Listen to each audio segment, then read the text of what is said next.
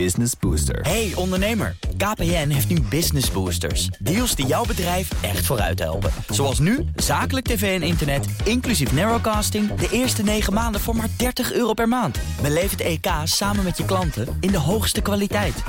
Kijk op kpn.com slash businessbooster. Business Booster. BNR Digitaal wordt mede mogelijk gemaakt door Incentro en SecureLink. SecureLink. Safely enabling business. BNR Nieuwsradio. Digitaal. Herbert Blankenstein. Het kabinet investeert tientallen miljoenen in digitale beveiliging. Maar drie prominente hoogleraren zeggen dat de universiteiten worden vergeten. We spreken zo meteen een van de drie over zijn zorgen. Mijn backup is vandaag start-up consultant en internetondernemer Maarten Nijkens. Hartelijk welkom. En we beginnen met het technieuws met Ivan Verrips. Ivan, Hoi, uh, na tien jaar blaast Sony zijn robothondje weer nieuw leven in. Aibo. Ja, eindelijk, want daar zijn ze mee begonnen in 1999 en toen in 2007 weer gestopt. Nou, ze waren er best wel vroeg bij dus met zo'n robothondje. En ook wel logisch misschien dat die weer terugkomt, gezien alle ontwikkelingen met kunstmatige intelligentie en hoe dit ja. soort dingen dan ook zichzelf kunnen leren. Het uh, nieuws werd uh, afgelopen nacht aangekondigd door de CEO van Sony en dat klonk toen zo. Luister eens maar.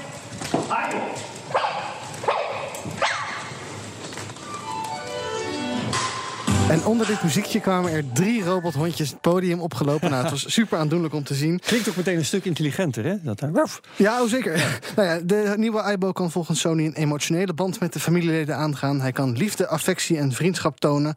En uh, hij kan ook redelijk soepel bewegen, want hij heeft 22 assen.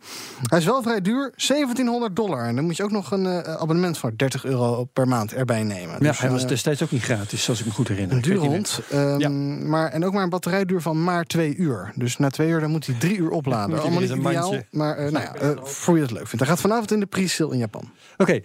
en een Microsoft-werknemer besluit tijdens een presentatie over te schakelen naar de browser Chrome. Ja, Microsoft-mensen gebruiken Microsoft, Google-mensen gebruiken Android, Apple-mensen hebben een Apple Watch. Ja. Een tijdje geleden gebeurde er iets best wel grappigs, namelijk een Microsoft-medewerker geeft tijdens een openbare presentatie op een of andere conferentie, dat ging over data center transformation, uh, en gaf hij dus een presentatie op Edge, de Microsoft browser, maar die bleef maar crashen. en daarom installeerde die man even snel Chrome en dat staat allemaal op YouTube. You know, I always love it when when demos break. I'm going to go install Chrome.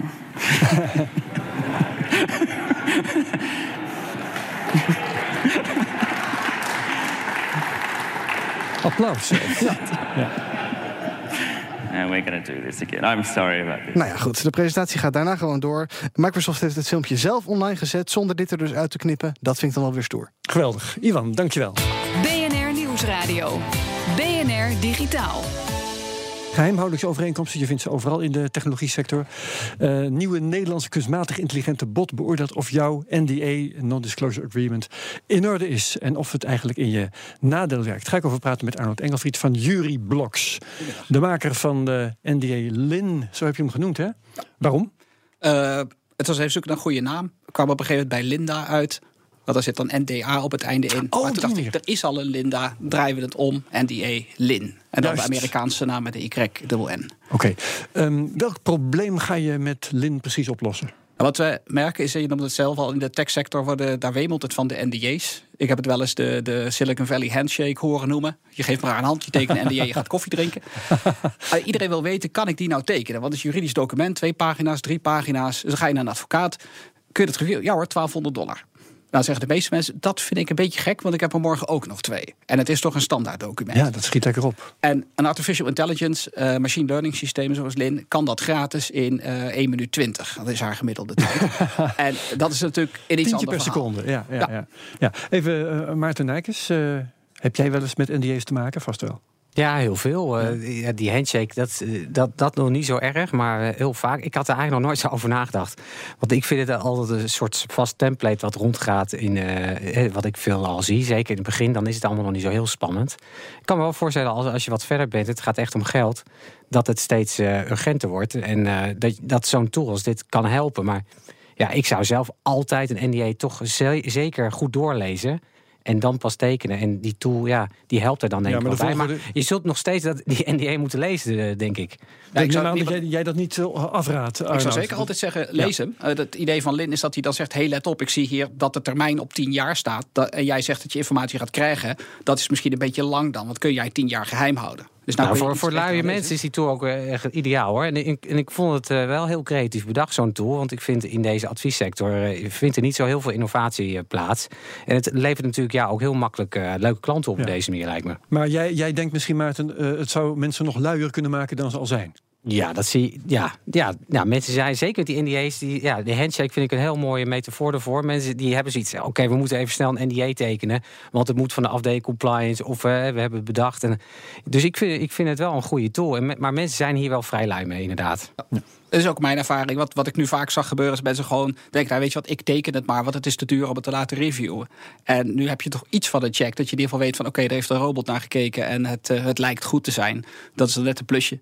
Als je wil kun je nog steeds 1200 euro neerleggen natuurlijk. Maar je had ook standaard NDA's, zag ik op de site staan, Ja, toch? Voor dat verkopen ook de andere kant inderdaad. Bij jury, eh, jurydocs.nl kun je zelf een NDA maken op maat. Eh, dat is dan 45 euro. Nou, dat, zegt, dat zegt Maarten ook eigenlijk al. Het is eh, voor jou eh, ook een manier om klanten binnen te krijgen. Is het ook In- bedoeld? indirect wel, maar ik heb er volledig vrede mee als mensen zeggen: Lin geeft goed advies en ik kan u, kan u tekenen. Je mag mij ook bijkopen. Ik ben een upsell van, van Lin, zeg maar. Dus dan kijk ik er nog een keertje zelf naar.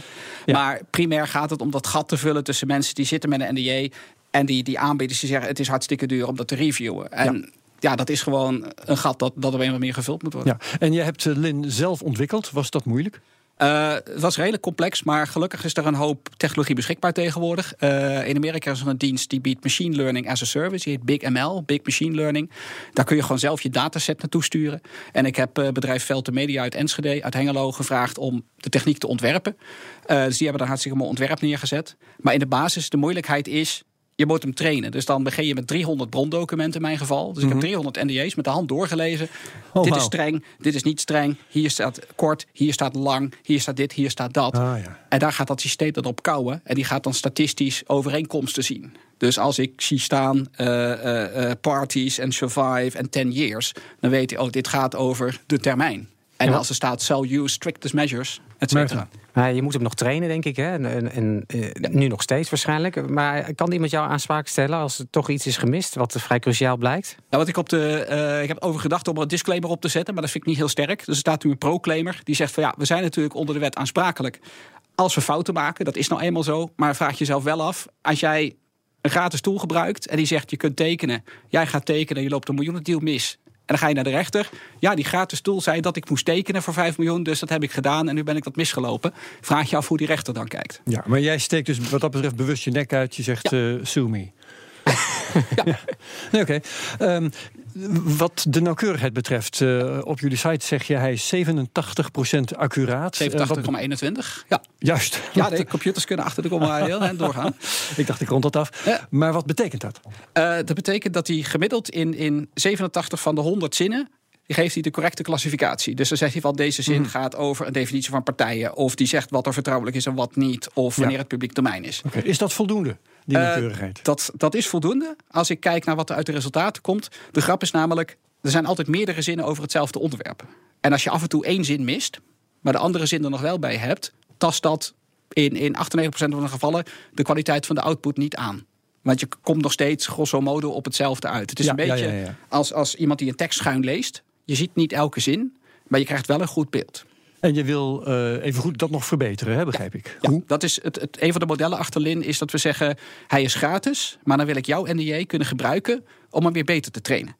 Als je dat niet wil, betaal je 45 euro. En dan, eh, dan gaat die NDA meteen, beloof ik, meteen de prullenbak in. Ja. Het systeem is zo gebouwd, daar krijg ik er niet eens een mail van. Dus Ja. het idee is dat ik daardoor, dus, en dat heb ik nu ook, ik heb al meer dan 200 NDA's gekregen in de, de kleine week dat hij nou draait. Dus dat is al, al twee derde van de 300 die ik had. Ja. Dus daar gaat hij weer beter van worden. Jij bent eh, behalve IT'er ook jurist, dus jij weet eh, het antwoord denk ik op de volgende vraag. Eh, een, een, een partij die eh, zo'n NDA bij jou uploadt, loopt die daar dan een risico mee? Is een NDA ook wel eens geheim? Ja. Eh, je ziet soms dat partijen zeggen: hier is een NDA, maar strikt geheim mag je met niemand delen. Ja. Maar dat is niet rechtsgeldig. Uh, je hebt altijd het recht om juridisch advies in te winnen over moet ik dit contract nou tekenen of niet. Ja, maar dus, dat is wat anders dan dat je hem uploadt en dat in de overeenkomst staat dat jij er weer wat mee mag gaan doen. Ja, daar zul je dan even goed over na moeten denken uh, met je wederpartij. Wat ik tot nu toe zie is dat het meestal documenten zijn die je ook op internet kunt vinden die mensen uploaden. Uh, maar zoals met alle diensten, ja, ik ga ervan uit dat mensen daar in ieder geval even over nadenken. En als een wederpartij zegt deze NDA strikt geheim houden, met niemand delen. Zouden misschien ook een belletje moeten rinkelen van met wat voor partij ga ik in zee. Ja, juist. Zijn er verder nog meer uh, diensten die jij kunt automatiseren op een dergelijke manier? Of laat je het hier voorlopig bij? Uh, het is zoeken naar een document dat enerzijds populair is. Uh, anderzijds waar mensen niet heel veel geld voor willen betalen. En ten derde dat je redelijk geautomatiseerd kunt scannen. Dus je hebt een standaard document nodig waar mensen behoefte ja. aan hebben. En bijvoorbeeld al die voorwaarden van die websites, die leest geen hond en daar heeft ook niemand behoefte aan. Dus ik denk niet dat dat gaat werken. In Europa denk ik dat er wel nog veel interesse zal zijn in de zogeheten bewerkersovereenkomst. Straks onder de GDPR, de nieuwe privacywet, oh ja. moet iedereen die persoonsgegevens verwerkt, die moet een bewerkersovereenkomst sluiten met zijn wederpartij. Dus dan gaan we hetzelfde circus krijgen. Iedereen gooit die documenten heen en weer. Teken dit maar even, want dat moet van compliance, ja. et cetera. Dus dat gaat hetzelfde circus dus, worden. voor mij gaan we jou hier nog een keer zien. Ik denk dat we dan die PA-lin ook wel uh, kunnen presenteren. Oké, okay, dankjewel Arnold Engelfried, maker van NDA Lin. Auto's jatten, mensen aanrijden in GTA Grand Theft Auto kan het allemaal onbestraft. Maar wat gebeurt er als je probeert om ook daar keurig te leven zonder overtredingen te maken? Dat hoor je zo. BNR Nieuwsradio.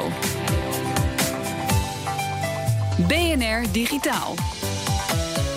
In Grand Theft Auto mag bijna alles wat in de echte wereld gelukkig verboden is. Auto's jatten, mensen neerschieten, dubieuze drugsdeals. Maar wat als je probeert om GTA te spelen zonder regels te overtreden? Lukt dat eigenlijk wel? BuzzFeed probeerde het en redacteur Ivan Verrips bekeek het filmpje. I don't think the game is set up for that. I'm fully expecting this to be very difficult. I'm not going to walk to my destination and I need to do a Grand Theft Auto. So It's kind of like the premise of the whole thing. Drie redacteuren gingen de uitdaging aan.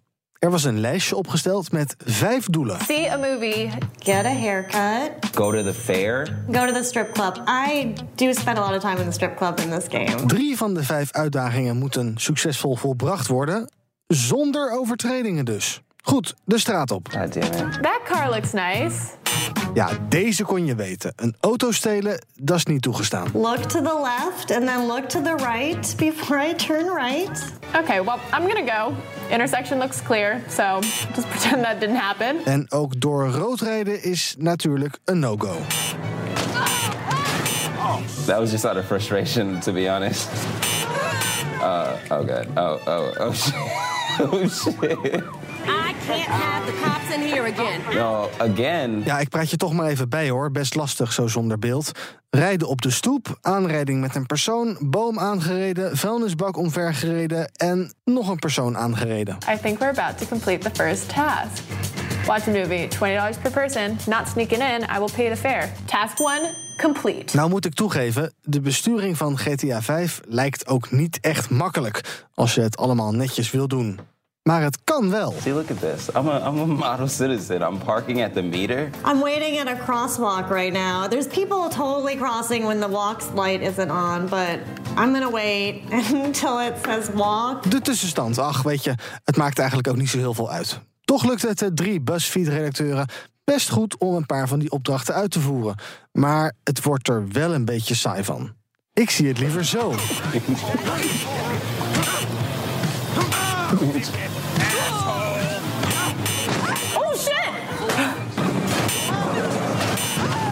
Okay, this turning radius is like even worse than the other one. Goed, de uitslag. Ach, nee, ja, ja, trouwens, joh. Ach, die maakt eigenlijk ook niet zoveel uit. I mean, it's it's just a frustrating game, and it really makes you want to break the rules. Like the lights took forever. Like, why would you play this game that way? Why? It's so fun to hit people and to punch people and start fights with people. Like, I think you should just play Grand Theft Auto, stealing cars and punching people. Ja, GTA 5, onbestraft auto's jatten, mensen aanrijden. Hoe mooi is dat? Wil je het filmpje van BuzzFeed horen en ook de beelden erbij zien? Het linkje staat op bnr.nl slash digitaal. BNR Nieuwsradio. Herbert Blankenstein. Kabinet steekt vele miljoenen euro's in digitale beveiliging, of zoals dat in het Engels heet, cybersecurity. Het geld gaat grotendeels naar de versterking van de digitale overheid, maar niet naar de academische wereld. En dat is een groot gevaar, betogen drie prominente hoogleraren op dit gebied. Een daarvan is hier vandaag Michel van Eten, hoogleraar internetveiligheid aan de TU Delft. Welkom. Goedemiddag. Het regeerakkoord lijkt een speerpunt te maken van digitale beveiliging. Volgens Kees Verhoeven 95 miljoen erbij en ook nog 400 miljoen naar innovatie en onderzoek waar digitalisering prioriteit is, zegt Kees Verhoeven. Ehm, waarom komen jullie dan toch met een noodplan? Telt het niet wat Verhoeven zegt? Nou, wat Verhoeven zegt, uh, dat is eigenlijk een beetje een vraagteken opwerpen.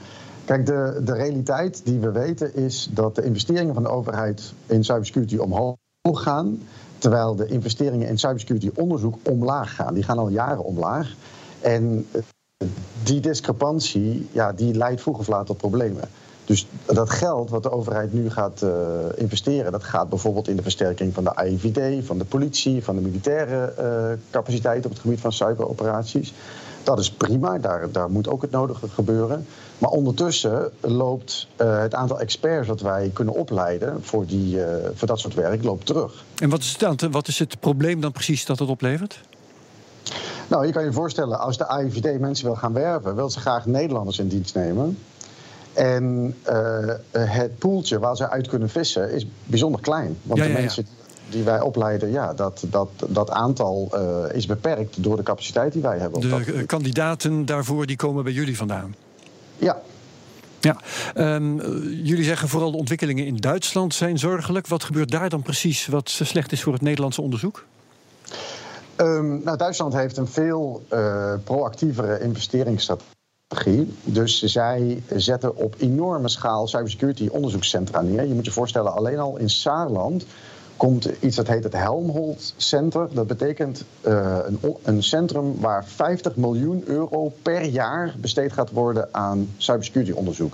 Dat centrum zal over twee à drie jaar meer onderzoekers in cybersecurity hebben dan heel Nederland. En dat is alleen één centrum in Duitsland. Ja. Nou, wat gaat dat centrum vervolgens doen? Dat gaat experts zoeken.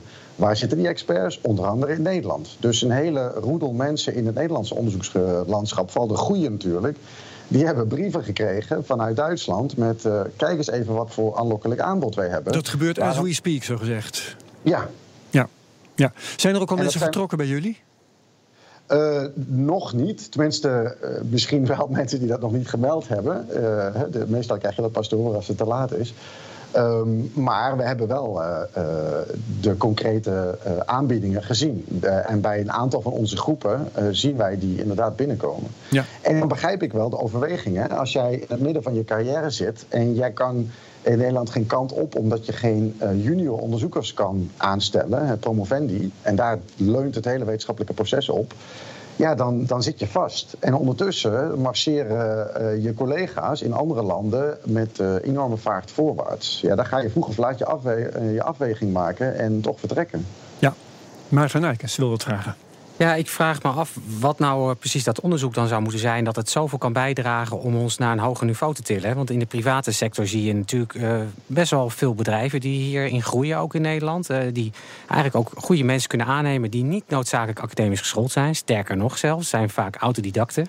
Dus ik vraag me, wat voor onderzoek moet ik dan aan denken? En dat het in Duitsland gebeurt met 50 miljoen euro... ja, dat zegt mij niet zo heel erg veel. Waarom zouden we in het onderzoek zoveel moeten steken. Ik zou eerder zeggen, we moeten de universiteiten niet kijken naar de opleidingen die we aanbieden. ook voor jonge mensen die wat meer insteken op het programmeren en dat soort zaken. Nou, die twee dingen hangen natuurlijk samen. Want wie gaat die opleiding verzorgen? Daar hebben wij natuurlijk ook weer mensen nodig die je met die studenten kan laten werken. Dus dat, dat kan niet dezelfde kleine groepje mensen zijn. Als wat voor onderzoek moet ik dan aan denken? Wat die goede mensen naar jullie toe gaat trekken? Wat willen jullie gaan doen? Nou ja, dat, er komt een uh, onderzoeksagenda aan uh, over een paar maanden die de belangrijkste speerpunten gaat samenvatten. Maar je kan allerlei onderdelen daarin zien. Denk aan het veilige ontwerpen van producten. Dus als jij een, als Nederland een bepaalde dienst op de markt brengt of een product, dat je ook mensen hebt die dat daadwerkelijk veilig kunnen ontwerpen. Dat, dat, dat is niet iets wat je even in een bachelor of een masteropleiding kan leren. Daar heb je ook gewoon promovendi voor nodig. Een deel van dit probleem is zo complex. Maar zijn dat echt promovendi? Want ja, ik zie dat vooral ook heel veel gebeuren door mensen die echt uh, vanaf jongs af aan zijn opgegroeid met de computer. En helemaal bezeten zijn van uh, cybersecurity en van hacken. En die, die daar helemaal een kunst van maken eigenlijk. En daar dus heel veel uh, ja, kunde in kunnen opbouwen. Zeker, maar nou heb je het over iets heel specifieks, namelijk dingen als penetratietesten en zo. En daar heb je inderdaad niet per se academisch geschoolde mensen voor nodig. En het is ook niet voor niks dat die tak van sport prima functioneert. Maar Stel even, jij bent Philips, jij bent medische apparatuur op de markt en je wil een wereldleider worden en jij hebt softwareontwikkeling nodig waarvan je zeker moet weten dat niet de medische gegevens van jouw uh, uh, consumenten op de een of andere manier op straat komen te liggen. Of dat jouw apparaten overgenomen worden en in een botnet worden ingeschakeld. Dan heb je niet zo heel veel aan die penetratietesters. Ja, wel om. Ja, maar ik heb het niet over penetratie.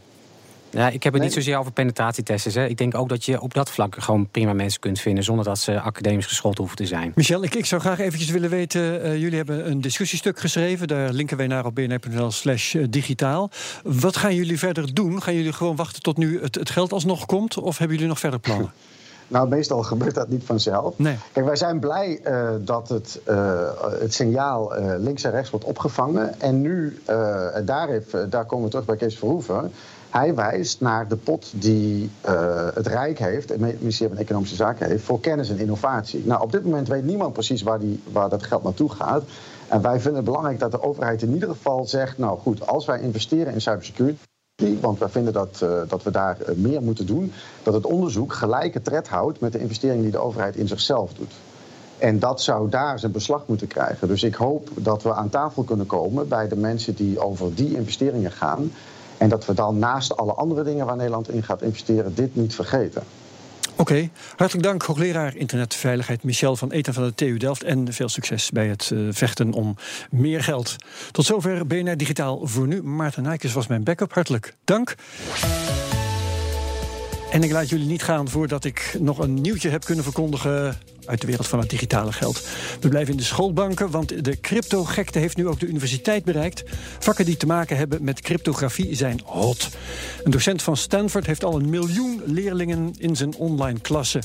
En de Carnegie Mellon University in Pittsburgh heeft de hulp van een deskundige van Microsoft Research uitgeroepen om zijn crypto-klasse uit te breiden.